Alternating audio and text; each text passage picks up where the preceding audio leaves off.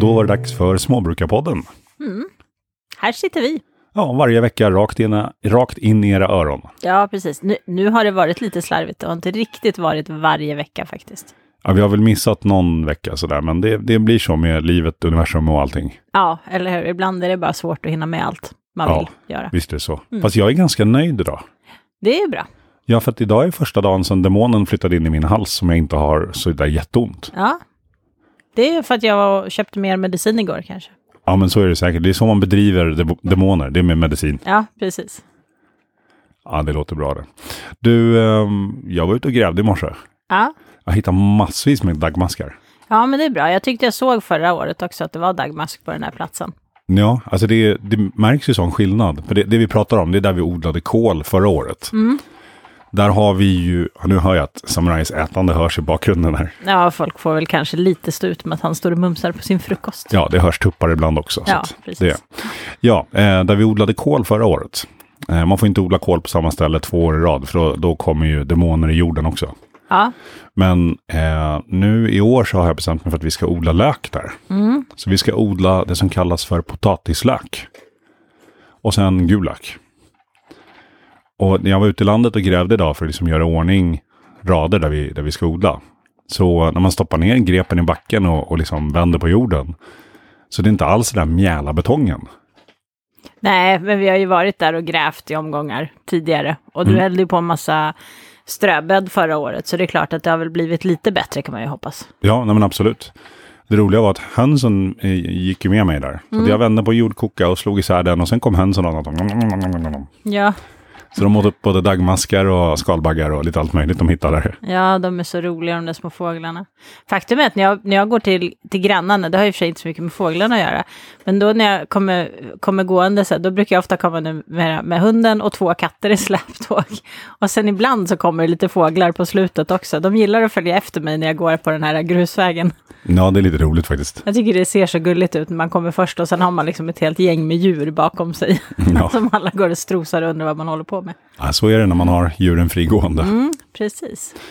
Ja, nej men eh, växthuset kommer ju mer och mer på plats. Ja, Nu har vi ju tillsammans gjort ett jätteryck där inne. Mm. Så att eh, odlingslådorna är klara, golvet är färdigt. Mm, ja de är klara så tillvida att det saknas matjord i dem. Det är liksom ja, jag, det som nu ska pratade in. jag om snickerierna. Jaha, rent ja, generellt. Det var inte så lätt att veta. För jag skulle, komma, jag skulle komma till att vi har gjort en gemensam insats med fylla med ströbädd och eh, rat. Mm. Och sen ska det på jordar. Precis. Men det luktar så där lite mulligt där inne redan nu. Ja, det känns ju som att det kommer bli fantastiskt bra där inne. Ja, jag hoppas på det faktiskt. Och jag var inne igår när det hade regnat.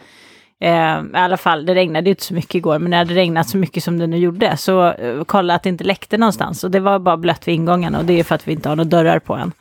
Så, eh, men liksom mitten på huset så var det torrt. Så det är läck, läck, läckagefritt än så länge. Mm. Det är läckfritt. Ja, vi har ju inte skruvat fast plasten ordentligt. Så det, det har vi kvar, det ska vi Ja, göra. det får vi ta vilken dag som helst. Ja, men det är ju så tråkigt jobb. Det är ju så en miljard skruvar och brickor och så ska man stå på varsin sida och så ska man en skruv, en bricka och en mutter och så hålla och så på skruva, sådär. skruva och ja. sen- ja. Och, och då känner man liksom någonstans den här tiden på året att man har ju så mycket annat som man också vill göra. Som på något sätt är så himla mycket roligare alltid än att skruva eh, växthus. Ja, Eh, så att, eh, det, men det måste verkligen bli klart. Det, jag känner så här, eh, desto längre vi skjuter på det, desto mer tråkigt kommer det kännas att göra. Eh, så att vi behöver ta tag i det. Men det är verkligen inte eh, liksom, på min topp 10 av roliga saker att göra-lista. nej, nej jag, jag håller med faktiskt. Någonstans nu när man kan gå in i växthus och det finns bäddar och alltihopa, så då vill man ju bara ha in jorden så man kan börja odla där inne.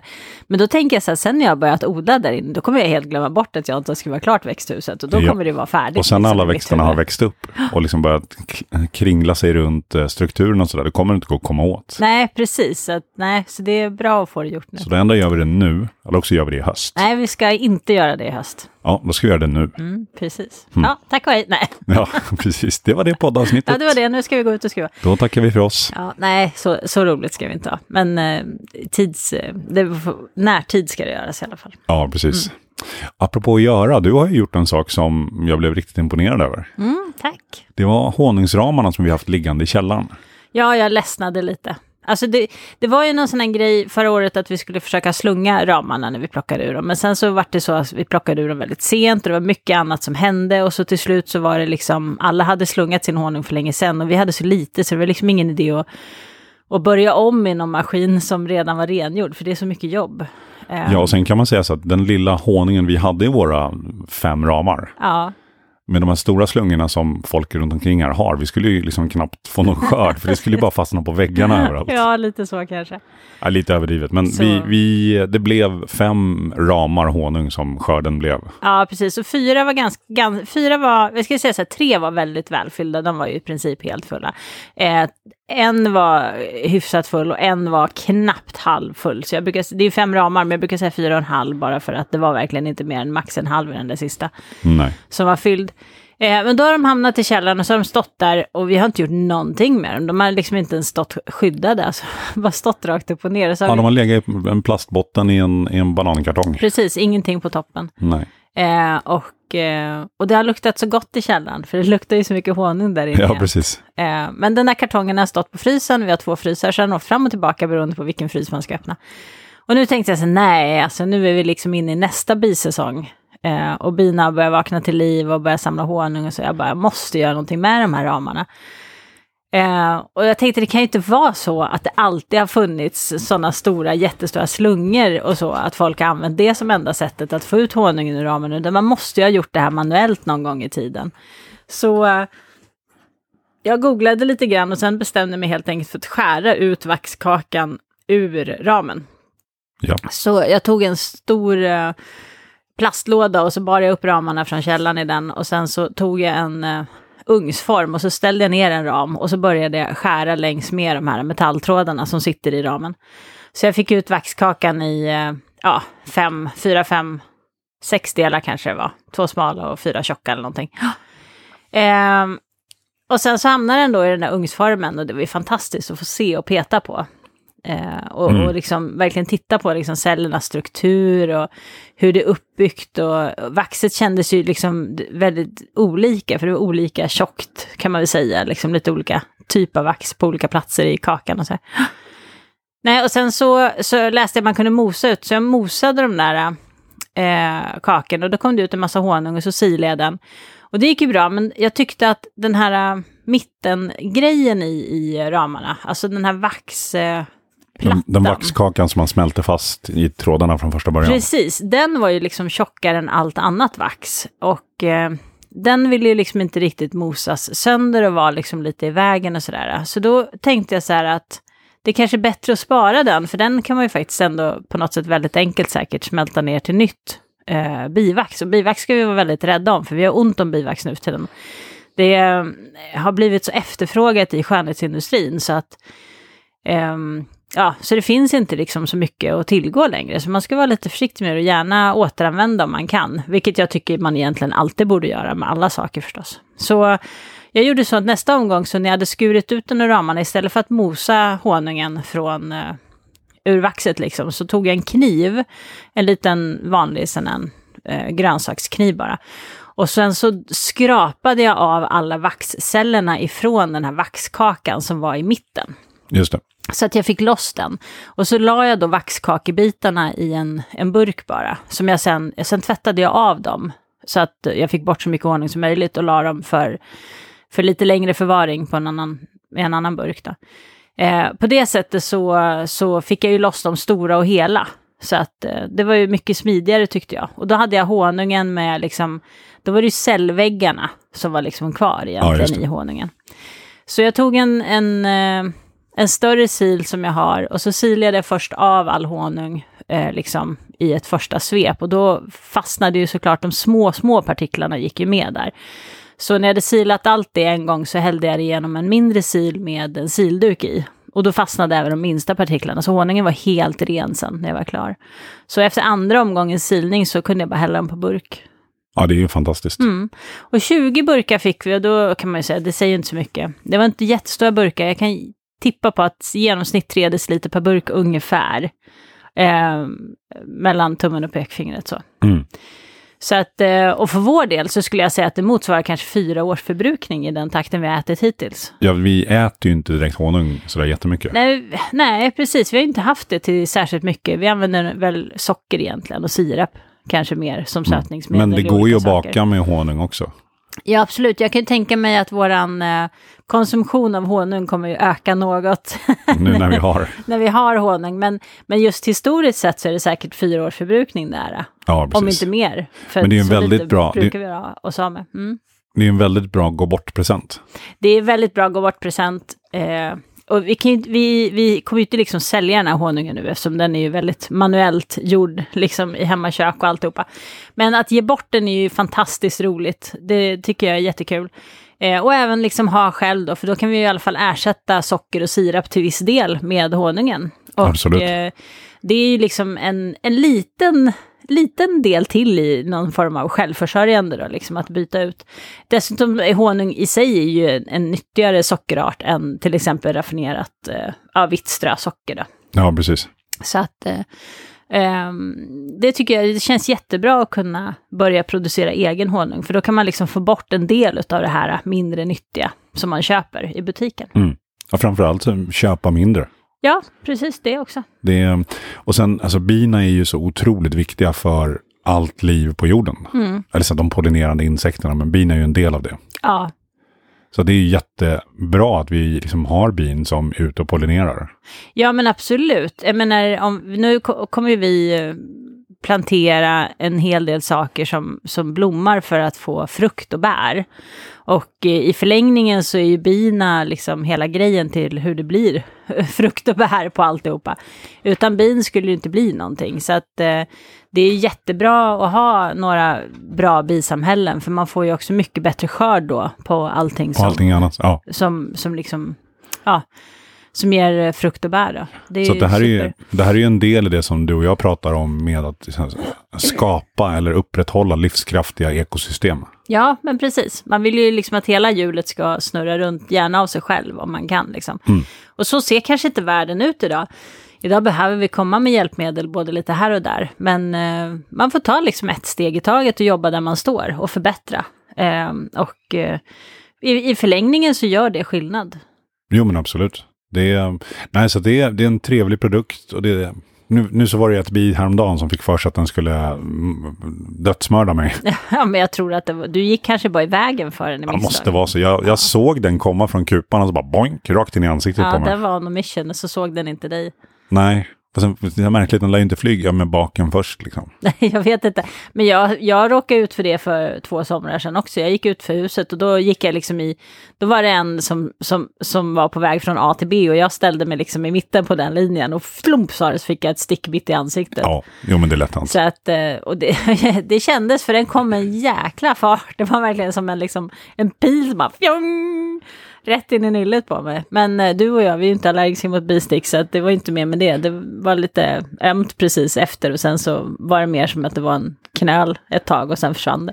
Jag, jag tog ju en bild på min, min biattack. Ja, Dödsbiattacken. ja, Ja, det såg ut som jag hade liksom lite akne. ja precis. Det hade varit, hade varit en mygga så hade det blivit mycket värre. Ja, jag tror det också, för jag får också så här ibland av myggorna och, och, och knotten också kan Alltså jag få. jättebölder. Ja, jättebölder. Jag är ganska känslig mot dem. Så att, eh, nej, så att eh, mitt, mitt bistick som jag fick, det var inte heller så himla mycket mer en liten, liten eh, bula liksom.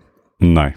Nej, så jag tänkte planen för mig idag, det blir liksom att eh, jag har ju börjat med ett nytt bibord som vi ska ha bikuporna Mm. Ni på. skulle se det vi har nu, det känns lite osäkert. Ja, men det har stått i två år. Ja, det har det gjort, men det är väldigt, alltså det, det ser så snett och vint ut, så man tror att den ska blåsa omkull när som helst. Ja, jag håller med. Så jag håller på och snickrar ett lite, lite mer stabilt, lite mer rakt. Mm. Och eh, sen ska jag liksom placera det så att det står rakt från första början. Precis, och mycket snyggare. Ja, det, det blir mycket snyggare.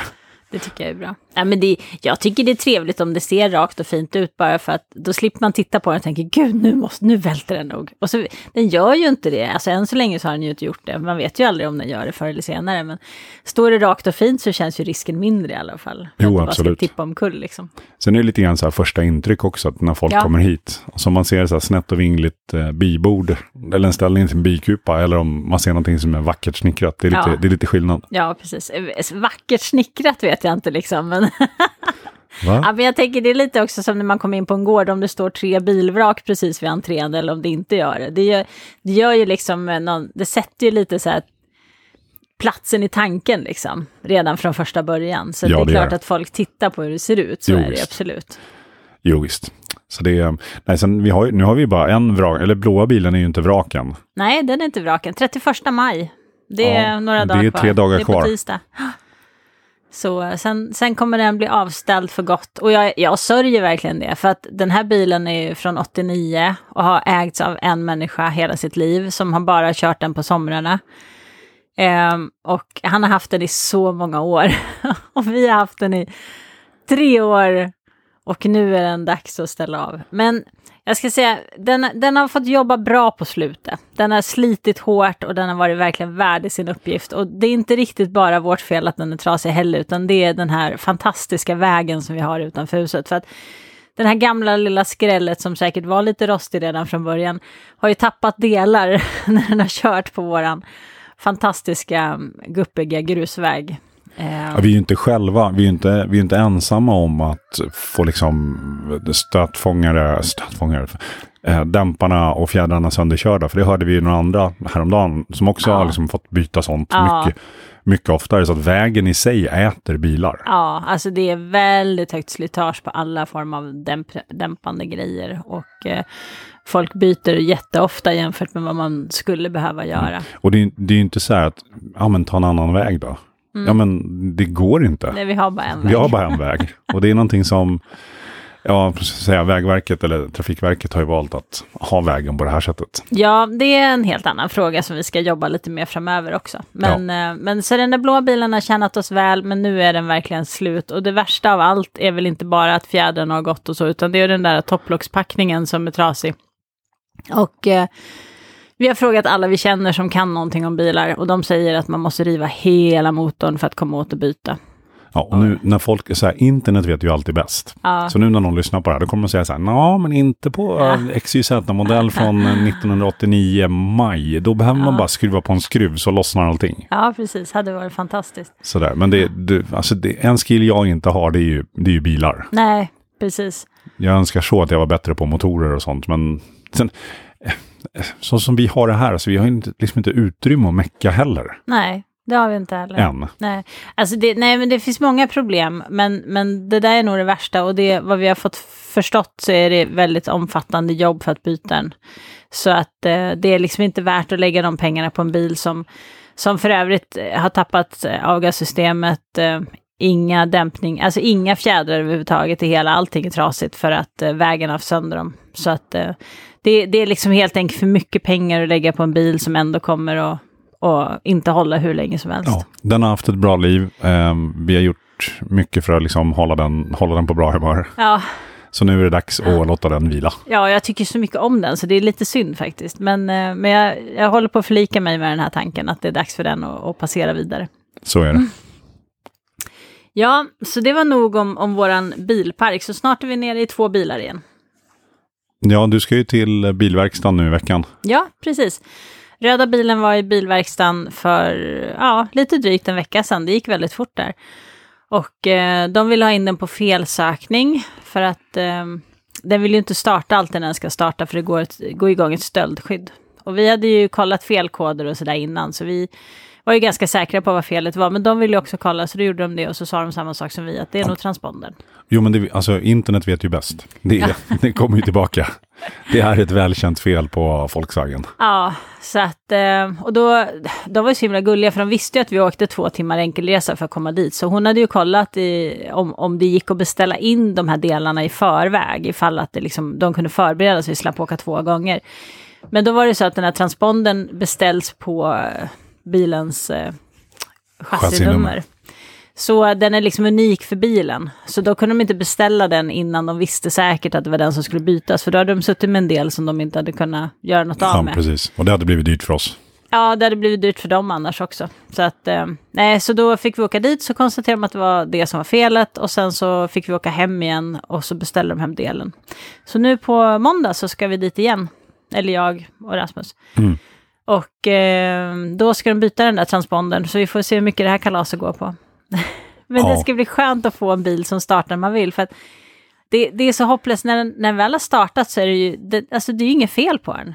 Nej, den går ju jättebra. Det är Den- liksom inga ja. konstigheter överhuvudtaget. Nej, det är bara att man stänger av den och så vet man aldrig om den startar igen. Jo, och sen är det så här, det är så himla lätt, för det är en vana, alltså det är en bra vana att man stänger av bilen när man, när man stannar, så, för att liksom kliva ur den. Men nu när, det är, när vi kör med den röda bilen så vet man att det, det är ingen idé att stänga av den, för chansen är stor att man är fast i flera timmar. Ja, precis. Och då blir det ju så här, när man ska parkera någonstans, bara stäng inte av bilen, stäng inte av bilen, stäng, Ja. nej! Och så stängde man av bilen. Ja, precis. Nej, och det är väldigt så här, det finns liksom inget, eh, det finns inget system i hur den startar och inte startar. Alltså den kan starta jättebra flera gånger, sen startar den inte. Det finns liksom ingenting man kan göra för att påverka det, utan eh, ibland så får inte nyckeln och transpondern kontakt med varandra och då vill den bara inte sätta igång bilen. Precis. Så att det, det är liksom ingenting man kan göra. Så att ibland så får man vänta tio minuter och ibland så får man vänta i fyra och en halv timme. Ibland så får man vänta till dagen efter. Det, det vet man aldrig innan. Nej, precis. Det borde vi egentligen ta till jeepen också, för vi har ju bara en nyckel till den. Mm. Borde egentligen skaffa en nyckel till. Ja, men det blir ett senare problem. För nu ska vi betala för det här först. Ja, ja just det, man måste betala också. Så, så Men får du, vi har se. ju honung. Ja, jag tror inte de vill ha honung. 20 honungsburkar mot en fungerande bil. Eller hur? Ja, det hade ju varit fantastiskt. Ja, det kanske inte funkar så. Nej. Nej, så det ska vi göra på måndag. Då ska jag fixa bilen och förhoppningsvis sen så har vi två bilar som, som går bra. För det är ganska skönt att ha det, även om vi inte använder två bilar samtidigt särskilt ofta. Så när du jobbar mycket och har mycket möten och sådär så, jag har inget emot att vara fast på gården, det är inte det. Men ibland så hade det varit praktiskt kanske att kunna göra någonting under den tiden liksom. Mm. Vi har ju också haft många tillfällen när det faktiskt har krockat. Ja, men läkarbesök och sådant som är svårt att flytta på, som krockar med jobb, som också är lite svårt att flytta på. Eh, så att eh, absolut, det är väldigt smidigt liksom att ha tillgång till två bilar tycker jag. Jo, faktiskt. Men man skulle, om man skulle vara krass, så visst skulle man klara sig med en bil här. Det skulle inte vara omöjligt, men helt utan bil här, det skulle jag nog säga att det är väldigt, väldigt svårt. Då får man tigga många tjänster. Ja, då får man ha liksom typ så här bästisarna nästgård som alltid ställer upp och kör eller någonting. Jo, och det vill ju jag då säga så här, tack Linus, Ja. tack Marcus, tack Niklas. Ja, vi har fått jättemycket hjälp när det har kärvat och det är fantastiskt faktiskt. Vilka, vilka härliga människor som alltid ställer upp och kommer och räddar oss när det behövs. Ja, precis. Nej, men det, är- och det är ju faktiskt, vi kanske ska avsluta med det, men det absolut viktigaste när man, när man tittar på gård, om man liksom, vi, vi är ju inne i det här att vi håller på att starta upp ett småbruk. Och det är inte samma sak som att ta över ett småbruk eller fortsätta liksom driva en gård som har varit igång under lång tid. Utan vi håller ju på att starta upp och där, där, vi märker ju liksom vilka svårigheter som finns. Men en av de viktigaste tillgångarna när det gäller, när det, gäller det, här, det här livet, det är ju grannarna. Mm. Och det är också en av de här grejerna som verkligen, verkligen kan ställa till det om man får grannar som man liksom inte går ihop med. Ja, Att, att behöva liksom bo tajt i en liten by eller till och med precis liksom eh, ja men staketgränsen. staket i staket liksom. Eh, med, med någon som det skär sig med. Det är jättejobbigt när man bor på det här sättet som man gör nu. Ja, precis. För att man behöver liksom lite, jag vet inte, man har olika intressen, vi har djur och så här. Skulle, jag menar, om vi skulle ha någon här som till exempel stör sig jättemycket på att tupparna gal hela, hela dygnet, höll jag på att Ja, säga. absolut. Det hade varit jättejobbigt, då hade vi kanske inte kunnat ha dem.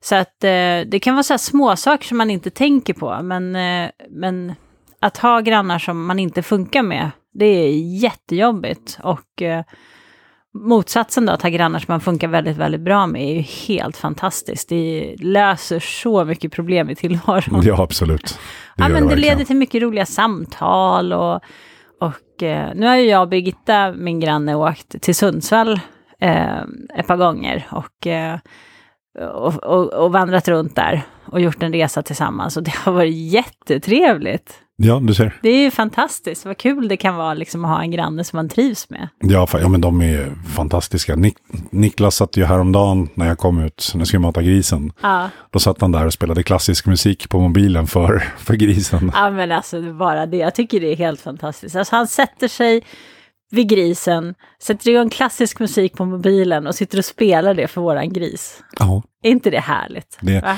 men det är en närvaro i livet som jag tror att många skulle må bra av att ha. Ja.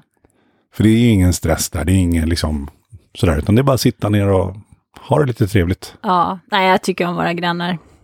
Jag tycker de är jättehärliga faktiskt. Ja, absolut. Ja, nej men det är väl läge att sluta då. Jaha, har vi poddat klart redan? Ja, vi kan ta ett avsnitt till någon annan gång. Ja, då gör vi det. Ja, det gör vi. Så eh, hasta la vista. Hej då!